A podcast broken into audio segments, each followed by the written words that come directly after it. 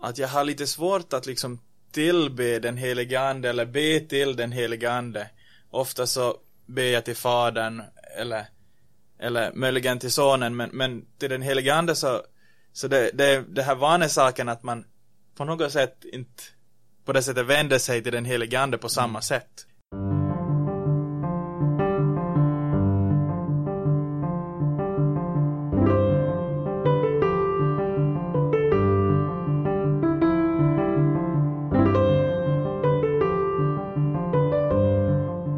Välkommen till GF-podden alla lyssnare. Idag så ska vi tala om den helige ande.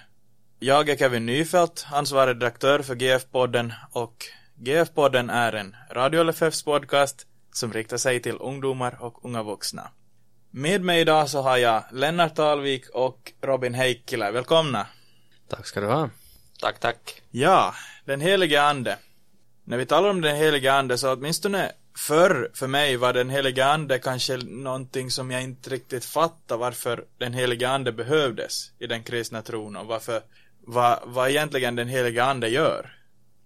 Men senare när jag förstod det så, så var det till en stor tröst och, och, och hjälpte mig. Jag tror att, att det här som du, du berättade nu inledningsvis är inte na, unikt för dig utan vi är många som har funderat på samma saker och tyckt att det har varit svårt att greppa den helige ande. Och det, det är ju så att i Bibeln så talas det ganska mycket om den helige ande. Till och med mer än vad man först tänker om man ska börja eh, liksom minnas bibelord. Eh, men anden nämns genom hela bibeln i gamla testamentet och i nya testamentet och till och med redan på första verserna.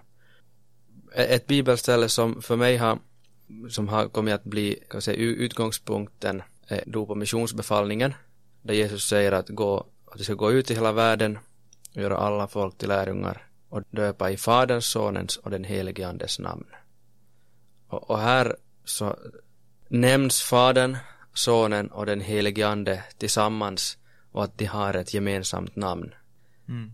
När man tänker härifrån så, så kan man dra flera, flera slutsatser. Dels att, att det är inte bara Fadern som är Gud utan också Sonen men också Anden är Gud. Så det, det är som en, en, som, en sån inledning man kan säga att det här Matteus 28 så visar att anden är Gud. Mm. Sen finns det till exempel i Apostlagärningarna så, så säger Petrus till Ananias, en som, som tillhörde den här urförsamlingen, säger att, att varför har du ljugit för den helige ande? Alltså den helige ande är en person. Och det finns också ett ställe jag kommer inte på var, var det nu direkt men det talar om att, att bedröva den helige ande. Eh, så att vi märker att den helige ande är Gud, den helige ande är en person. Mm. Vad tänker du Robin om den helige ande? Ja, för det första så har jag funderat länge på både hur den helige ande är eh, verksam på särskilda platser. Mm. Men sen också hur han på ett sätt eh, när Jesus talar om den helige ande som, som en eld till exempel så tänker vi att en eld är inte alltid heller lätt att sätta gränserna på. Men samtidigt så, så verkar han i ordet i sakramentet och det har för mig i alla fall varit till stor vägledning att var jag kan hitta den helige ande. Mm. Jag tror det här är viktigt och samtidigt så är det som du säger att, att vi, den anden verkar genom ordet och sakramenten att, att vi kan inte styra den helige ande. Men samtidigt så, så uh, uppenbarar Gud genom sitt ord att, att äh, han verkar genom ordet och sakramentet helt säkert. Och där får vi liksom söka den helige ande och ta del av, av hans uh, gåvor. Mm. En annan aspekt så just att vi har talat om att den helige ande är Gud och den helige ande är en person. Och lite hur han verkar genom ordet och sakramenten. Men jag tänker också att, att, att vi kanske ändå, om vi ska gå till det praktiska, så det kan vara ganska svårt att åtminstone om jag tänker till mig själv att, att jag har lite svårt att liksom tillbe den helige ande eller be till den helige ande. Ofta så ber jag till fadern eller, eller möjligen till sonen men, men till den helige ande så, så det, det, det här vanesaken att man på något sätt inte på det sättet vänder sig till den helige ande på samma mm. sätt. vet inte om ni har några liknande tankar om det här. Ja, jag tror, jag tror att det är också en, som du säger, en vanesak att, att i och med att den helige ande faktiskt delar äh, Guds namnet och en del liksom en av treenighetens tre personer och som vi bekänner i, i, i den här nicenska trosbekännelsen att, som tillbes med Fadern och Sonen, alltså anden är värd vår tillbedjan. Och så finns det ju också det här, det här gamla böneavslutningen som lyder att ära vare Fadern och Sonen och den helige Ande. Mm. Det är faktiskt så att vi får och ska tillbe Anden och Sonen och Fadern. Men, men det är förstås, det kan ju vara en ovana som vi liksom inte har vant oss vid att göra. Mm. Jag har också hört, jag minns inte vad det var, men att, att, att den heliga ande skulle vara den blyga personen i treenigheten. Och, och det tänker jag att det kan ha med att göra att, att man använder det här uttrycket så just det här att den heliga ande inte pekar på sig själv utan den heliga ande pekar på Kristus och visar på Kristus. Jag hade aldrig förr hört det här ordet, den blyga personen, men det är ju egentligen det som, som det handlar om där som Jesus säger i Johannes 16 när han talar om anden eller den sanningens ande som man kallar honom här. Då han säger att, att han ska förhärliga mig för han ska ta av det som är mitt och förkunna för er. Och det, det är ju kanske just det som det handlar om att den helige ande lyfter inte upp sig själv utan Kristus. När den helige ande verkar så då blir Kristus stor. Mm. Vad tänker du Robin? Nå, jag tänkte precis på samma bibelställe men jag brukar, precis som man ofta har hört, att den helige ande är som den här strålkastaren eh, som skiner på, på, på scenen och, och sen så, så liksom uppenbara Kristi verk, vad Jesus har gjort på, på Golgata, för dig och för mig. Mm. Och, och jag tänker just det här med att den helige ande som en strålkastare, så tänker jag också syns i det här att, att den helige ande verkar genom ordet. Att ditt ord är mina fötters lukta och ett ljus på min stig. Och där ser man liksom den helige ande som verkar genom ordet och bär fram Kristus. Mm. Vad tänker ni om hur den helige ande verkar i, i vår värld? No, det, det, är just det som, som du säger att han talar genom ordet. Det finns ett bibelställe, alltså det är det andra Timoteus 3.16 som säger att hela skriften är utandad av Gud. Och här, här i, i, liksom det, i, det här, i, det här, i den här versen så det här ordet utandad så hör ihop just med ande. Alltså den helige ande har varit med i skriftens tillkomst. Och, och därför så, kan, så säger vi, säger ju Luther och jag tycker det är ett, bra, ett väldigt bra uttryck att Bibeln är den helige andes bok. Och, och det, därför är liksom Bibeln det här andens, andens verktyg. Mm. Och sen förstås också sakramenten. Vi ser på, i, i de här bibelställena om, speciellt om dopet, på flera ställen så talas om den, hel, den helige ande i, i samma vers och i, liksom, i dopets sammanhang. Mm. Så att också i, i dopet så är den helige ande verksam och, och det ser vi också i det här dop och missionsbefallningen som redan nämnde att, mm. att där är hela treenigheten med och, och verkar. Mm. Född av vatten och ande. Till exempel, ja. Kom. Till exempel. Jag tänker också på ett bibelställe som talar om hur, hur anden visar på, på Jesus och, och det är från första Johannesbrevets fjärde kapitel. Och, och det talas om hur man känner igen Guds ande, eller den helige ande. Så känner ni igen Guds ande. Varje ande som bekänner att Jesus är Kristus som kommit i köttet, den är från Gud. Och varje ande som inte bekänner Jesus, den är inte från Gud. Så jag tänker att när vi har en Kristuscentrerad predikan och förkunnelse, så då, då utför vi den helige andes verk, eller rättare sagt den helige ande utför sitt verk att när Kristus predikas som Guds son och som dog för våra synder så då är, är i själva verket den helige ande i arbete och mm. verksam. Jag tänker att här, här, så har vi ju egentligen frågan att vad är den helige andes uppgift? Mm. Det är det vad det handlar om. Och då, då är det just här som du säger att predika Kristus och att väcka tron som mm. en följd av den här predikan att äh, det är tydligt också i Bibeln att, att tron är inte någonting som vi själva tar till oss eller väljer, oss, väljer att göra, utan det är ett, ett Guds verk, den helige Andes verk. Från Lilla katekesen i förklaringen till tredje trosartikeln så säger ju Luther så här att jag tror att jag inte av mitt eget förnuft eller min egen kraft kan tro på Jesus Kristus, min Herre, eller komma till honom. Utan det är den helige Ande som har kalla mig genom evangelium, upplyst med sina gåvor och så vidare. Alltså, jag kan inte själv komma till Jesus, jag kan inte själv tro på Jesus, utan den helige Ande gör det i mig. Och det gör han genom, genom ordet. Mm. Så det är alltså det vi kan säga om den helige Ande att som, som jag talade tidigare om, att jag visste inte riktigt vad den helige Andes uppgift var. Att där så kommer det här att den helige Andes uppgift var att verka tro i mig. Och själva verket så hade jag den helige Ande, även om jag kanske inte förstod allting. Mm. Vi har alltså den helige Andes uppgift är att skapa tro i våra hjärtan. Finns det någon annan uppgift som den helige Ande har?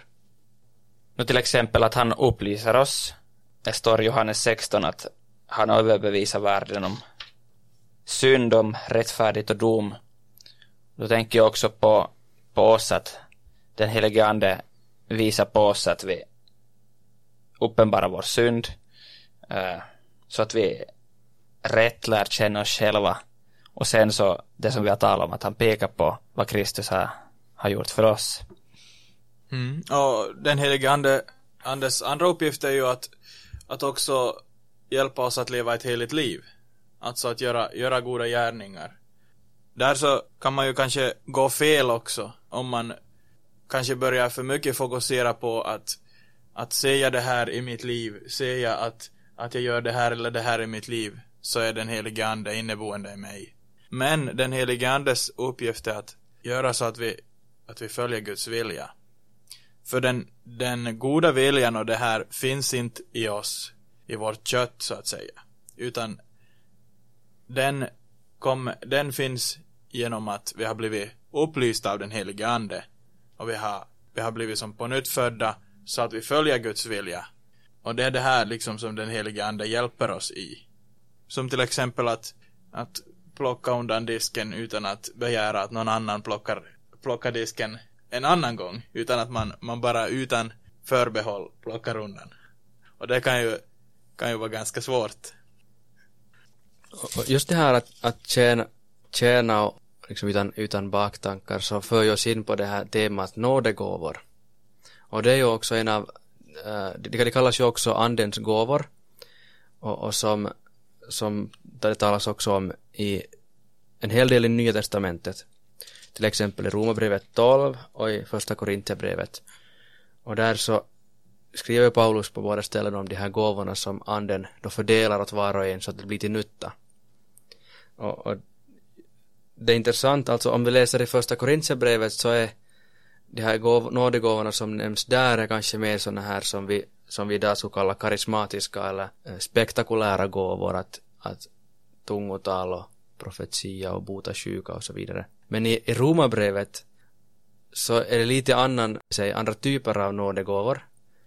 Som vissa av dem är liksom så här som att man funderar att va, är det här en nådegåva? Att finns det här ens? Ett exempel är till exempel det här att att tjäna i vår uppgift. Det räknar Paulus som en nådegåva i Romarbrevet. Eller att dela ut gåvor utan baktankar. Eller att vara hängiven som ledare. Att visa barmhärtighet med glatt hjärta. Och man märker att när man läser det här, om vi kallar dem listorna av nådegåvor, att det knappast är så att det här är de nådegåvor som finns, utan det verkar nog mer som att det är exempel på nådegåvor. Mm. Uh, att Paulus menar knappast att, att det här är det enda som finns, att någon av de här borde ni be om att få, utan nådegåvorna är många och de är olika för olika personer, men de blir till nytta för, för andra och för församlingen. Och, och här, här är liksom vår uppgift att be om de här nådegåvorna och att de kommer till, till användning. En sak som jag kommer att tänka på när du läste det här från Romarbrevet 12 var ju att de här sakerna som nämns så kan jag inte se att är någonting som jag som man från sin egen sida skulle göra. Till exempel att ge, ge gåvor utan baktankar och så vidare. Att, att därför säger jag att, att det kanske kännetecknar det nya livet. Mm. Att, att det, det är anden som är verksam i oss så att vi kan till exempel vara givmilda och så vidare. För att för naturen så är vi ju ganska själviska visst. Mm. Det som man ännu kunde säga om nådegåvor är det att, alltså när vi ser på första Korintierbrevets utläggningar om nådegåvor så är det ju som sagt mycket fokus på de här karismatiska eller, eller spektakulära nådegåvorna som helande tungotal och, och så vidare. Ibland har man försökt ta det här som någon slags måttstock på hur det borde vara överallt i alla tider och i varje församling. Det, det finns tecken i Bibeln som pekar på att det inte kommer att vara så i alla tider.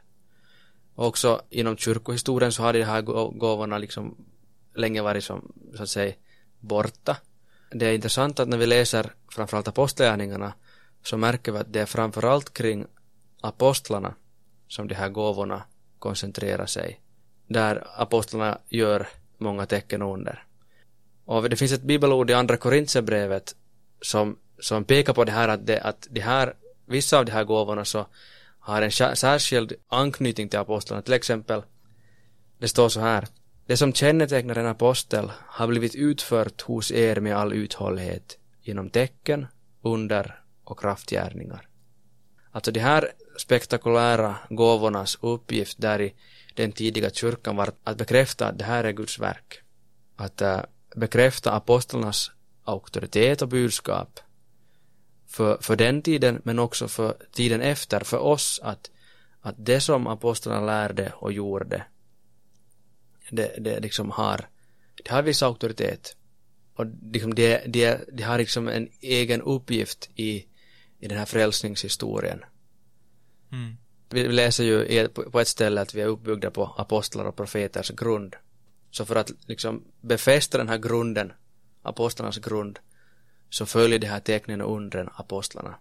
Och de här tecknen och undren så verkar ha varit aktiva då i, ännu i, i Korintförsamlingen och, och en, en viss tid efter, också efter apostlarnas död. Men senare så verkar det ha minskat ganska dramatiskt. Vi, vi ska vara försiktiga med när vi talar om nådegåvor att göra det som sker i Nya Testamentet i, att, att det här skulle måste ske överallt och alltid. För så verkar det inte vara fallet. Mm. Och jag tänker att, att det kanske var viktigare då på den tiden eftersom de hade inte Bibeln på samma sätt som vi har idag. Utan apostlarnas ord bekräftades inom tecken och under. Medans idag så har vi, har vi Bibeln och vi har Guds ord som klart och tydligt visar vad Guds vilja är. Och vi behöver inte på samma sätt som förlita oss på det här, på något under och tecken, utan vi får förlita oss på Guds ord. Och att det är sant och verksamt. Och, och Guds ord är ju just det här apostlarnas ord. Det, det är ju liksom, det, är det som, som vi har i, i, i Bibeln. Mm. Men har ni någonting att tillägga, någonting som ni kommer att tänka på just om den helige ande och den helige andes gåvor? Det som jag kanske ännu skulle vilja diskutera lite med er och se hur, hur ni tänker på det är just det här Ibland kan man höra att att vi borde tala mer om den helige ande och att den helige ande inte, inte är verksam i, i våra sammanhang eller i, i vissa andra sammanhang. Medan man menar att i, i, i andra sammanhang så kan man peka och säga att där är anden verksam, att där, där ser vi eh, människor som är berörda av anden och, och vi ser starka känslor liksom yttringar av människor, att människor är, och man har kanske sett videoklipp och bilder av sammanhang där, där man märker att det är någonting som, som händer där och, och säger man det är den helige ande som är, som är verksam. Vad tänker ni om det här? Hur, hur ska man veta om det är den helige ande eller, eller om det är någonting annat?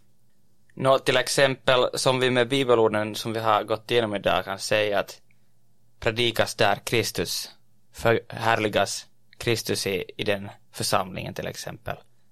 Och till exempel eh, det som Luther skriver om den helige ande att om man inte predikar om Kristus finns det ingen helig ande som kan skapa kalla församlan kristen kyrka. Predikar man Kristus där så är den helige ande verksam. Och den helige ande så verkar ju tro i oss. Så till exempel där ser man också att, att den helige ande verkar.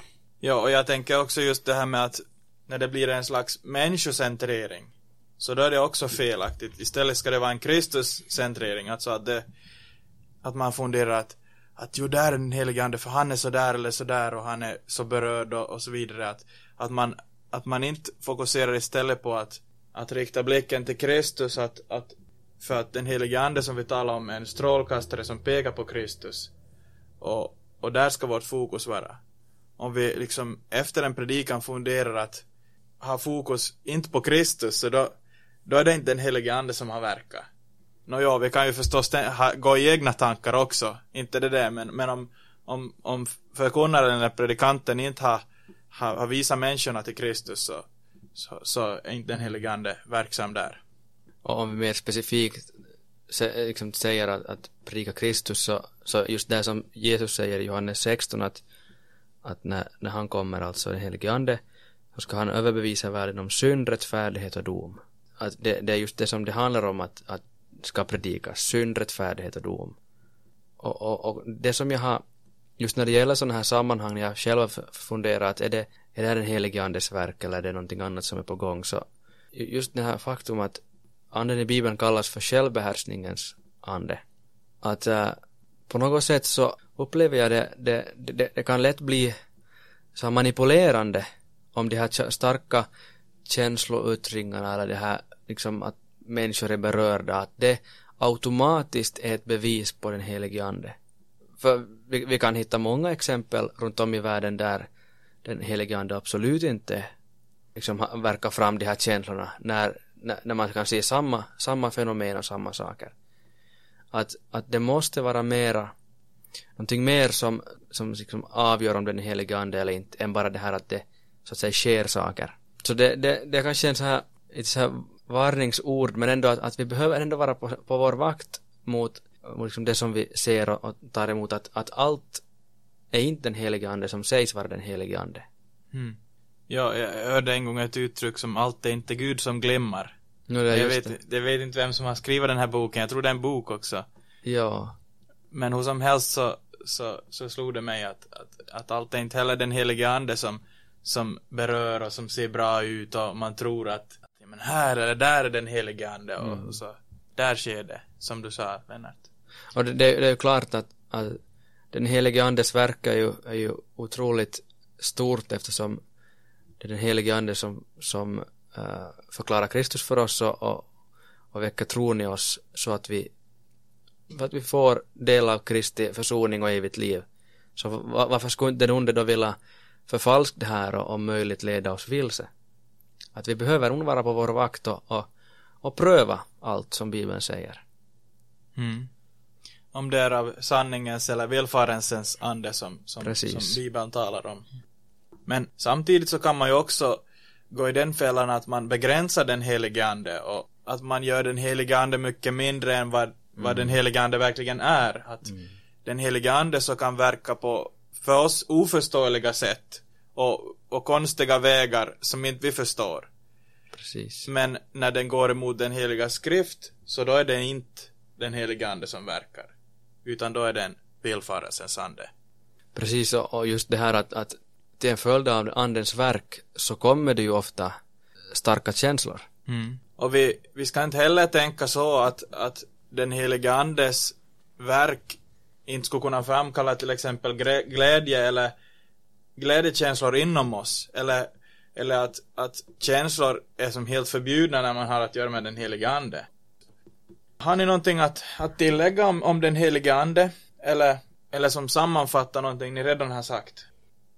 Jag, jag skulle vilja sammanfatta här, den här diskussionen om den helige ande med för det första att den helige ande är, är Gud som, som är äh, värd all tillbedjan på samma sätt som Fadern och Sonen och det är att den helige ande förhärligar Kristus och andens uppgift, främsta uppgift är att genom eh, ordets predikan ge oss den levande tron så att vi får evigt liv. Och sen som vi också var in på så så skänker också den helige ande oss olika nådegåvor som, som vi får använda i andras tjänst för att bygga upp församlingen och, och varandra. Och det, det som också är en stor tröst när det gäller helige ande som vi kanske inte ännu har talat om eh, de här namnen som den helige anden har i bibeln, tröstaren eller hjälparen. Det är att anden, anden bor i var och en som tror.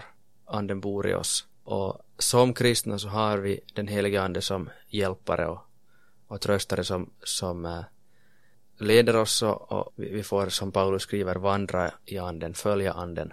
Och det, det som anden då verkar i oss som vi kanske själv inte alltid lägger märke till men som, som andra kan lägga märke till och som vi kan märka i andra kristna är då andens frukt. Kärlek, glädje, frid och tålamod och vänlighet, godhet, trohet, mildhet, självbehärskning.